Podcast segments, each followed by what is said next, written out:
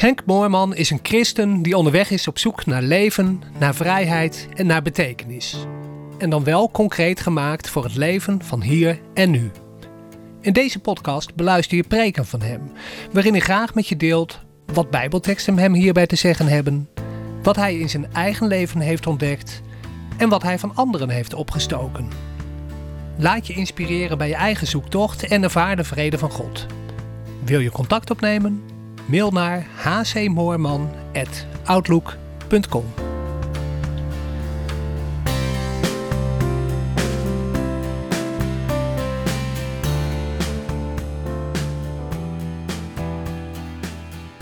Ik eens kijken of ik weer een beetje verder kan gaan met het wissen. Jullie herinneren je, in geval dat houdt mij nog wel uh, bezig van tijd tot tijd, dat beeld van dat bord waar iemand keurig uh, staat uit te leggen hoe het systeem allemaal in elkaar zit, zal ik maar zeggen.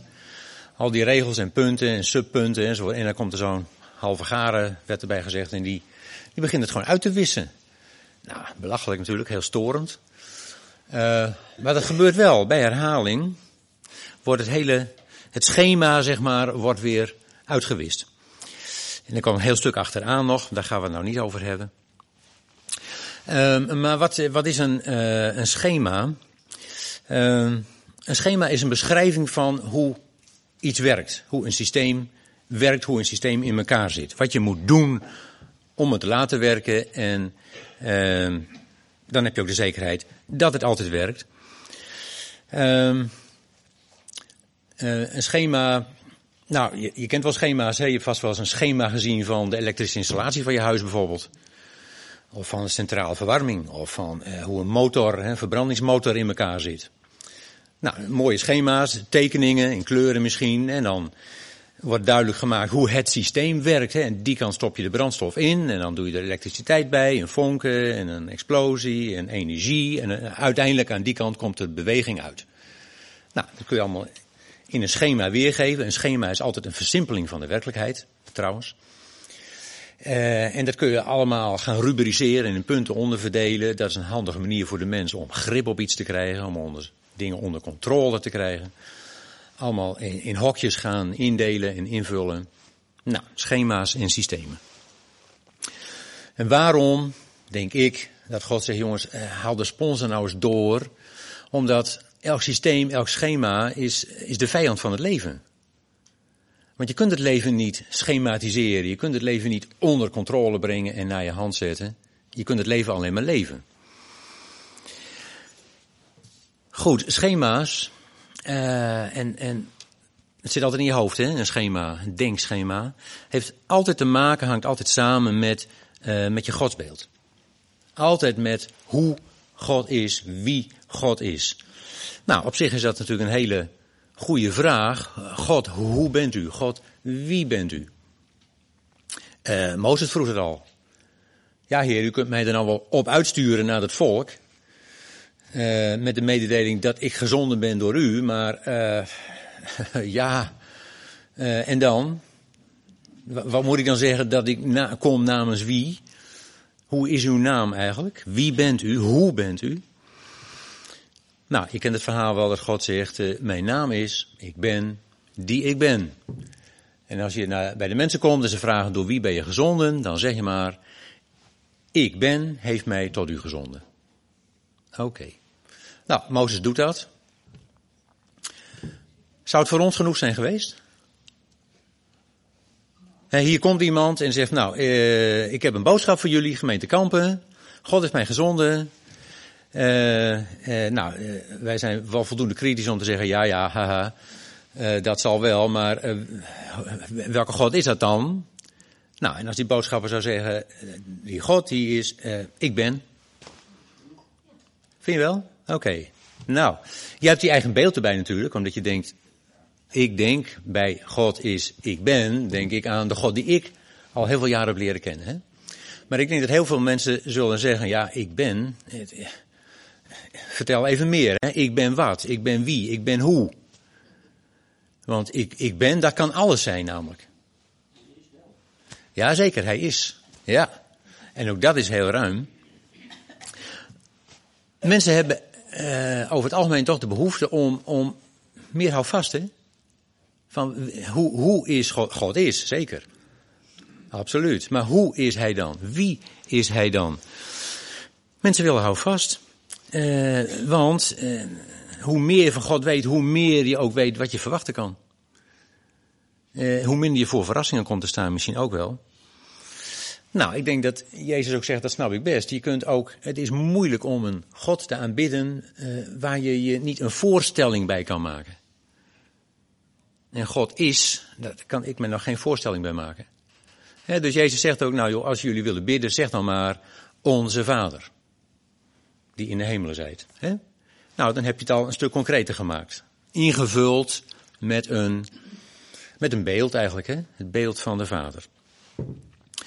En zo heeft God in de Bijbel een hele hoop namen. Hij wordt Vader genoemd, hij wordt Herder genoemd, Verlosser, uh, Redder, uh, schepper, formeerder, maker, uh, rots,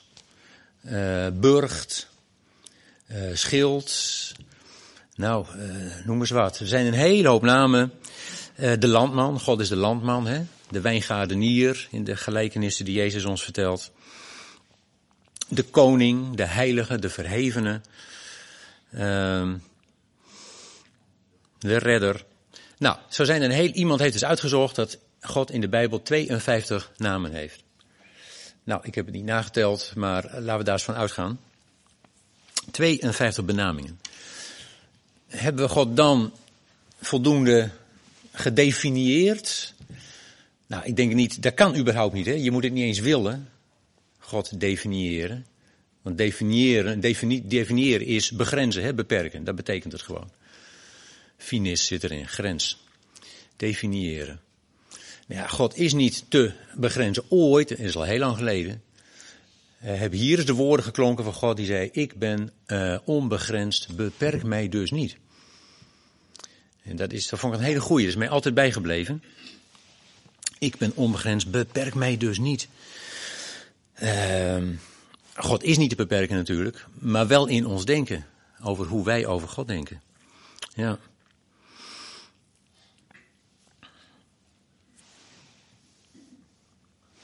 Ja, en toch, en toch heeft eh, op een of andere manier de mens de onbedwingbare neiging om vast te leggen, om te definiëren hoe God is. Dat houdt vast en dus gaat een mens beelden maken. Gods beelden. Een mens gaat beelden maken. En zo komen in feite eigen gemaakte beelden, godsbeelden, tot stand. Ja, die dan wel begrensd zijn door de beperkingen van ons voorstellingsvermogen. Want in ons denken kan God nooit groter zijn dan wij ons kunnen voorstellen. En toch is hij veel groter. Maar ja, als je werkt met je eigen godsbeeld, dan beperk je daarmee God eigenlijk al. Maar God overstijgt ons voorstellingsvermogen. God overstijgt onze verbeelding. Hij is veel ruimer, hij is veel groter dan wij ons kunnen voorstellen. Hij is ook veel groter dan, uh, God is groter dan de Bijbel. En dus ook groter dan die 52 namen waarmee hij in de Bijbel genoemd wordt.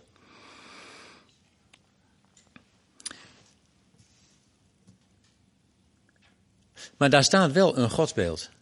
En door de eeuwen heen, we hebben het er al vaker over gehad, hè, zijn er, ik weet niet hoeveel beelden van God gemaakt. Uh, echte beelden, zeg maar. Hè? Uh, gewoon van steen of hout of uh, die je dan kon neerzetten en die kon je aanbidden. Maar nog veel meer uh, beelden tussen je oren. Beelden waar, ja, die een soort definitie zijn van hoe God is. En zo is er in de godsdienst, en ik denk ook in de christelijke godsdienst, een vrij algemeen beeld, godsbeeld. Uh, wat gemodelleerd is uiteindelijk naar de behoeften van de mens. Wat vorm is gegeven naar de behoeften van de mens. Om te voorzien in de behoeften van de mens. Um, en in hele grote lijnen, hoe werkt dat beeld? Het is een systeem in feite. Hè? Het is net als met die motor. Je stopt aan die kant er iets in en dan mag je verwachten dat er aan die kant iets uitkomt. En als alle onderdelen maar, maar goed in elkaar zitten en functioneren, eh, nou, dan moet het systeem werken. En dat beeld, dat zegt over het algemeen, aan de ene kant stoppen wij daar vrijheid in. Wij leveren vrijheid in, in de vorm van gehoorzaamheid, opoffering, uh, plichtsbetrachting, uh, tijd, geld. Nou hebben wij het er zelden over, maar er zijn heel wat gemeenten waar regelmatig wordt gepraat over de tienden die gegeven moeten worden. Of hoeveel tijd je aan de Heer moet geven of voor hem opzij moet zetten. Wij stoppen onze lofprijs daarin. Wij stoppen van alles en nog wat. Ik vat het maar even samen met vrijheid stoppen wij erin. Opoffering zou je ook kunnen zeggen. En uiteindelijk, als het systeem allemaal maar goed werkt, dan komt er aan de andere kant komt er verhoring uit. Dan komt er verhoring uit in de vorm van de oplossing van onze problemen. Eh, in de vorm van genezing. In de vorm van voorziening in mijn noden en behoeften. Dat is een heel veel voorkomend godsbeeld. Um, het kenmerk ervan is dat het een soort ruilrelatie is. Hè? Wij stoppen aan onze kant er iets in, prestatie, opoffering, vrijheid, hoe je het noemen wil. Uh, en Heer, als wij het goed doen en naar behoren, en zoals uw woord dat zegt, dan mogen we ervan op aan dat u van uw kant ervoor zorgt dat er aan de andere kant die verhoring uitkomt. Ja. Een soort nuttigheidsrelatie heb je dan, hè? Met God. Ja. Ik zei net al, eh, een van de mooiste beelden vind ik om, de mooiste namen zeg maar, om te gebruiken voor God vind ik inderdaad Vader. Prachtig. Er is één nadeel aan, God wordt daarmee onmiddellijk gedefinieerd als man. Terwijl Jezus zegt, in de hemel is man nog vrouw. Maar goed, God wordt onmiddellijk gedefinieerd als man. Ja, en als we het dan ook nog over eens zijn dat God uh, goed is en dat hij heilig is. Ja, dan rijst al heel snel het beeld op van de goed heilig man. Ja. Ja. En wat dat betreft heeft denk ik Sinterklaas een beetje de eeuwen door gefunctioneerd als hulpgod. En je kunt wel, daar kun je aardig zien hoe het systeem werkt. Wij stoppen aan de ene kant onze gehoorzaamheid erin. Is iedereen het hele jaar braaf geweest? Ja. Geen stoute kinderen hier. En je hoeft er ook niet omheen te draaien, want uh, hij is alwetend. Hè? Het staat allemaal in het grote boek. Ook al zou je zeggen, ik heb niks gedaan, Sinterklaas weet het wel. Uh, nou, en als je wel uh, uh, deugdzaam hebt geleefd en wel goed oppassend bent geweest. en nog flink hebt gezongen, hè? dat hoort er ook bij. Nou, dan mag je ervan aan dat jij dan je verlanglijstje kan inleveren en dat dat, dat vervuld wordt misschien niet het hele verlanglijstje, maar dan toch wel uh, de top drie ervan. Hè? Dat, uh, ja, zoiets. Nou, zo, zo werkt het dan een beetje. Ja. Nou, ja, ik snap mensen die zeggen, uh, dat bestaat niet. God bestaat niet. God bestaat niet, hallo, we kwamen hier toch om opgebouwd te worden in ons geloof. Moorman, hoe zit dat? Nou, ik denk, zo, God, bestaat toch niet? Mag ik hopen? Nee. Ik vind het wel grappig. Je hebt misschien wel uh, die discussie gevolgd rond die Zeeuwse dominee, hoe heet die, Hendriksen. Hè, geloven in een God die niet bestaat. Nou, ik heb zijn boek niet gelezen, dus ik weet niet precies wat hij ermee bedoelt. Uh, maar goed, die zegt, God bestaat niet, God gebeurt. Nou, zoiets zeggen wij ook wel eens, hè. God geschiet, God geschiet in mensen. Ik geloof dat hij er een beetje mee bedoelt van, ja, God is niet iemand, God is iets. Een soort vage kracht of zo. Nou, ik denk dat hij dan de Bijbel niet helemaal goed gelezen heeft, in mijn optiek in elk geval. Um, maar er zijn meer mensen, ik, en ik vind dat wel, uh, wel aardig hoor. Laatst las ik iemand die zei, uh, uh, God bestaat niet, daarom heeft hij zich geopenbaard. en iemand anders zei, God bestaat niet. En Jezus is zijn zoon. ja, dat zijn aan de ene kant een beetje ongemakkelijke, stroeve teksten natuurlijk. Die een beetje knarsen in je hoofd, maar ik vind ze wel heel leuk. Uh, waarom? Ja, juist omdat ze niet zo soepel naar binnen glijden. Uh, maar omdat ze je prikkelen om na te denken. Hè, van, uh, wat bedoelen ze nou eigenlijk? En hoe zit het nu eigenlijk? Ja. Ik hou er wel van. Uh, God zegt, ik heb dat nooit, nooit gevraagd jongens en zo zit ik niet in elkaar. Jeremia 7, vers 22. Ik heb tot uw vaderen toen ik hen uit het land Egypte leidde, niet gesproken, noch hun een gebod gegeven ter zake van brandoffer en slachtoffer. Maar dit gebod heb ik hun gegeven, hoor naar mijn stem, dan zal ik u tot een God zijn, uh, en jullie zullen mij tot een volk zijn. Het komt helemaal niet van mij, zegt God. Ik vraag dat niet. Ik heb er ook nooit gevraagd dat jullie van jullie kant het systeem vullen met jullie gehoorzaamheid en met je opofferingen, met je, wat je er maar in wilt eh, stoppen. Heb je nooit gevraagd. Nooit. Nou, als je die godsdienst kent, die stond bol en strak van de offerdiensten. En God zegt, ik heb het nooit gevraagd. Dat is toch apart, hè? Ja, dat brengt mij natuurlijk wel gelijk bij de vraag, en hoe zit het dan bij mij? Hoeveel van dat systeem zit er nog in mijn hoofd? Um, want ja, je kunt er helemaal mee vergroeid zijn en dan is het niet altijd makkelijk om dat goed te onderkennen. In hoeverre ben ik toch nog bezig om mijn best te doen voor God, om mij weg te cijferen, om uh, er hard aan te trekken voor Hem, om te bewijzen dat ik echt het goede wil, om, nou, om aan die kant de brandstof in te gooien en uh, hopen dat aan de andere kant de verhoring eruit komt. Ja, nooit gevraagd. Gaat niet van mij uit. Ik ben een God, zegt God, die zich openbaart, die het gesprek zoekt. Ik had zo graag, zegt God ergens in Jezaja, dat jullie je oor neigt naar mij. Dit is niet dom doen wat ik zeg, maar dat je je oor neigt naar mij. Dat je naar mijn stem luistert, dat jullie mij tot een volk zouden zijn en dat ik jullie tot een God zou zijn. Ja, dat is wat ik zo graag wil. Ik denk dat God zegt, ja, of ik besta of niet, jongens. Kom op. Eh, het zal, mijn zorg zijn, bij wijze van spreken. Ja. Eh, Jacobus zegt zoiets, hè? Jullie geloven dat God bestaat? Oké, prachtig, zegt hij. Dan geloven de boze geesten ook. Ja. Eigenlijk zegt hij nou, zo so wat. Nou en? Dat is niet het punt. Dat is niet het punt. En, en, trouwens, überhaupt, zo praat je toch ook niet over God. Bestaat hij nou wel of bestaat hij nou niet? Uh, als, als God zijn adem inhoudt, dan houdt alle leven op. En niet hier, ik denk dat die schepping gewoon wel doordraait. Maar het, het leven, dat houdt toch op als God zijn adem inhoudt. Zo praat je over, zo praat je over Sinterklaas inderdaad, ja. Bestaat hij nou wel? Bestaat, geloof jij dat Sinterklaas bestaat? Nee, nee, nee, dat ben ik al lang voorbij. Dat laat ik me niet meer wijsmaken. Hè? Of zo praat je over ufo's. Geloof dat jij dat ze bestaan? Nou, zo praat je er niet over God. Bestaat hij wel of bestaat hij niet? Nee. En trouwens, de God die bestaat, die daar zo staat, als zo'n standbeeld, zeg maar. Um, ja, hoeveel toekomst heeft hij? De God die want het gaat altijd om een God die nodig is. Hè? Dat hele godsbeeld gaat uit van een God. Ja, wij hebben. Die God is van nut voor ons. Hè? Want als wij dit, dan doet hij dat. Uh, de God die nodig is. Hoeveel toekomst heeft hij? Want waarom neemt het aantal gelovigen drastisch af en lopen alle kerken leeg? Omdat God steeds minder nodig is. Ja.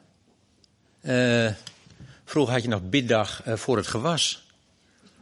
Ja, ik weet dat het nog wel steeds is, maar een beetje moderne boer zegt, weet je wat ik doe? Gebruik bestrijdingsmiddelen. Veel effectiever dan bidden voor het gewas. Uh, genezing. De medische wetenschap uh, realiseert intussen veel meer genezingen dan welke religie ook hoor. Verklaring voor allerlei dingen die wij niet begrepen. Ja, de natuurwetenschap, die hebben langzamerhand zoveel ontdekt dat God ook niet meer nodig is als verklaring voor onbegrepen verschijnselen. Dus die God, die, zo, die nodig is in al dat soort opzichten, ja, die krijgt een steeds kleiner speelveld, zeg maar. En eigenlijk zou ik dat beeld eens willen omhaken voor zover het nog bestaat. Hè? Daar gewoon eens de bijl in zitten. Hoe vaak is niet tegen de Israëlieten gezegd, jongens, zet de bijl in al die beelden. Haak het spul om. Die beelden waarvoor je bidt, in de verwachting dat dan zij iets gunstigs voor jou doen. De God die je nodig hebt. eigenlijk, eigenlijk zou ik een beetje een pleidooi willen houden, dat klinkt misschien raar, voor de God die niet nodig is. De God die niet nodig is. Ik denk als je, als je dat godsbeeld omhakt, die God van die nuttigheidsrelatie, dat er dan zicht komt, meer zicht komt uh, op de God die niet nodig wil zijn. De God die niet nodig wil zijn omdat hij verlangt naar mensen die hem lief hebben om wie hij is. Um, en ik denk dat God daar al vanaf het begin van de schepping naar verlangt. Als hij zegt, laten we ons bezig gaan met mensen te maken naar ons beeld en ons gelijkenis. En hoe is hij werkelijk? Hoe ziet die gelijkenis er dan uit? Nou, God zegt, ik heb jou lief om wie jij bent. Niet om wat je voor mij presteert, niet omdat je voor mij van nut bent, niet omdat je. Ik heb jou lief om wie jij bent. En ik, ik verlang zo naar mensen die van mij houden om wie ik ben. En dan ben je weer terug bij die naam. Ik ben. Ik hoop zo op mensen die naar mij verlangen. Niet omdat het voordelig is, nuttig is, maar gewoon om wie ik ben. Ja. Want behalve de namen die ik net noemde, de koning, de redder, de schepper, eh, de formeerder eh, enzovoort, heeft God nog andere namen ook in de Bijbel. Hè? Heeft u nog andere namen? De bedrogene, de verlatene, de vergetene, de genegeerde, de niet gehoorde. Kars had het vorige week over de onbegrepene, de gekrenkte. Zo komt hij ook voor, hè?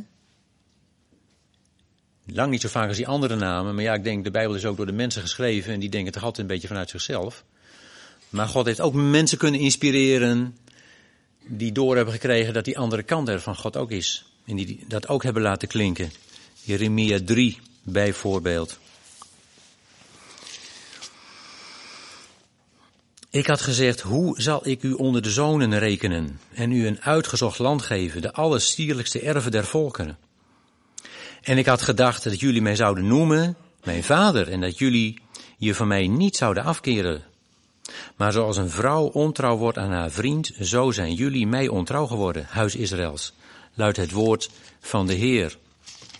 Iets eerder, Jesaja 65.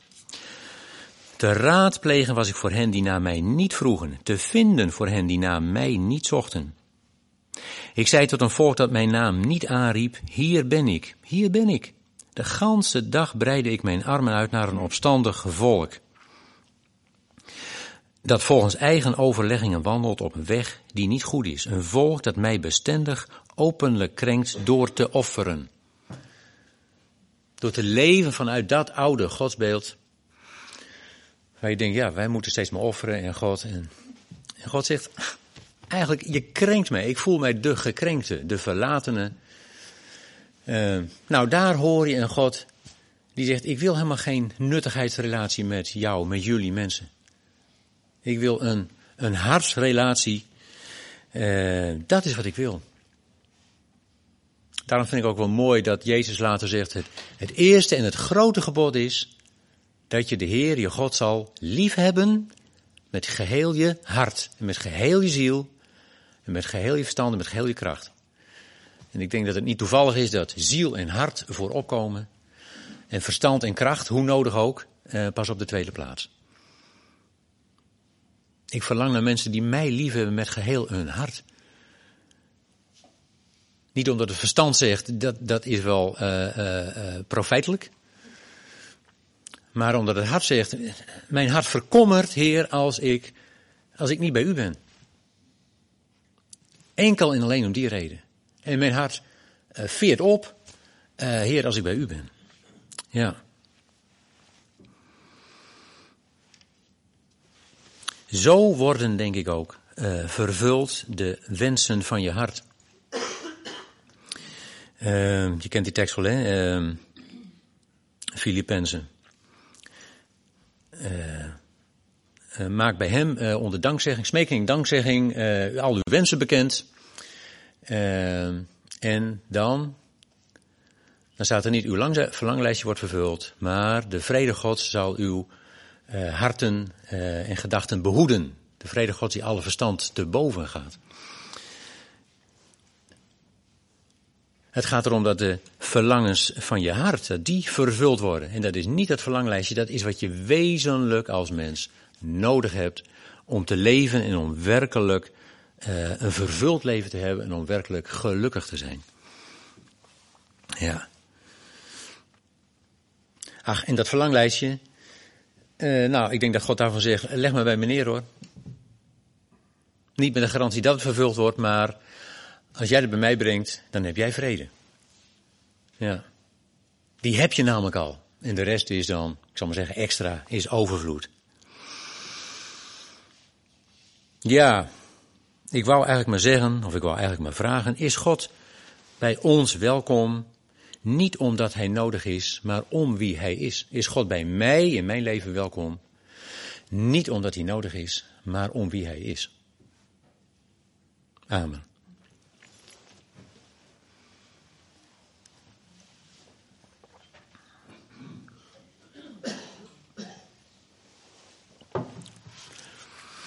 Goed, zullen we bidden?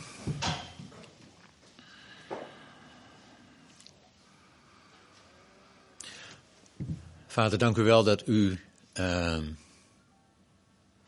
ja, uzelf openbaart. Dat u uw zoon gegeven hebt. Dat u in ons geschiet. Uh, dank u dat u zoveel verwachting van ons hebt. Dat u, uh, ja, dat het voor u leven is om met ons om te gaan. Nou, Heer, en wat dat betreft gaat de gelijkenis op. Het is voor ons leven om met u om te gaan. Vader, en daaruit groeit nieuw leven. Daaruit groeien wel oplossingen voor onze problemen. Daaruit groeit wel de vervulling van wat wij wezenlijk nodig hebben. Heer, dank u dat als we daaruit leven, dat we de gelijkenis, dat wij ook weer een gelijkenis mogen en kunnen zijn. Doordat anderen bij ons kunnen ervaren wie u bent, wat uw naam wezenlijk inhoudt. Nou Heer, dank u dat u met ons die weg verder in vreugde gaat. Wil je contact opnemen? Mail naar hcmoorman.outlook.com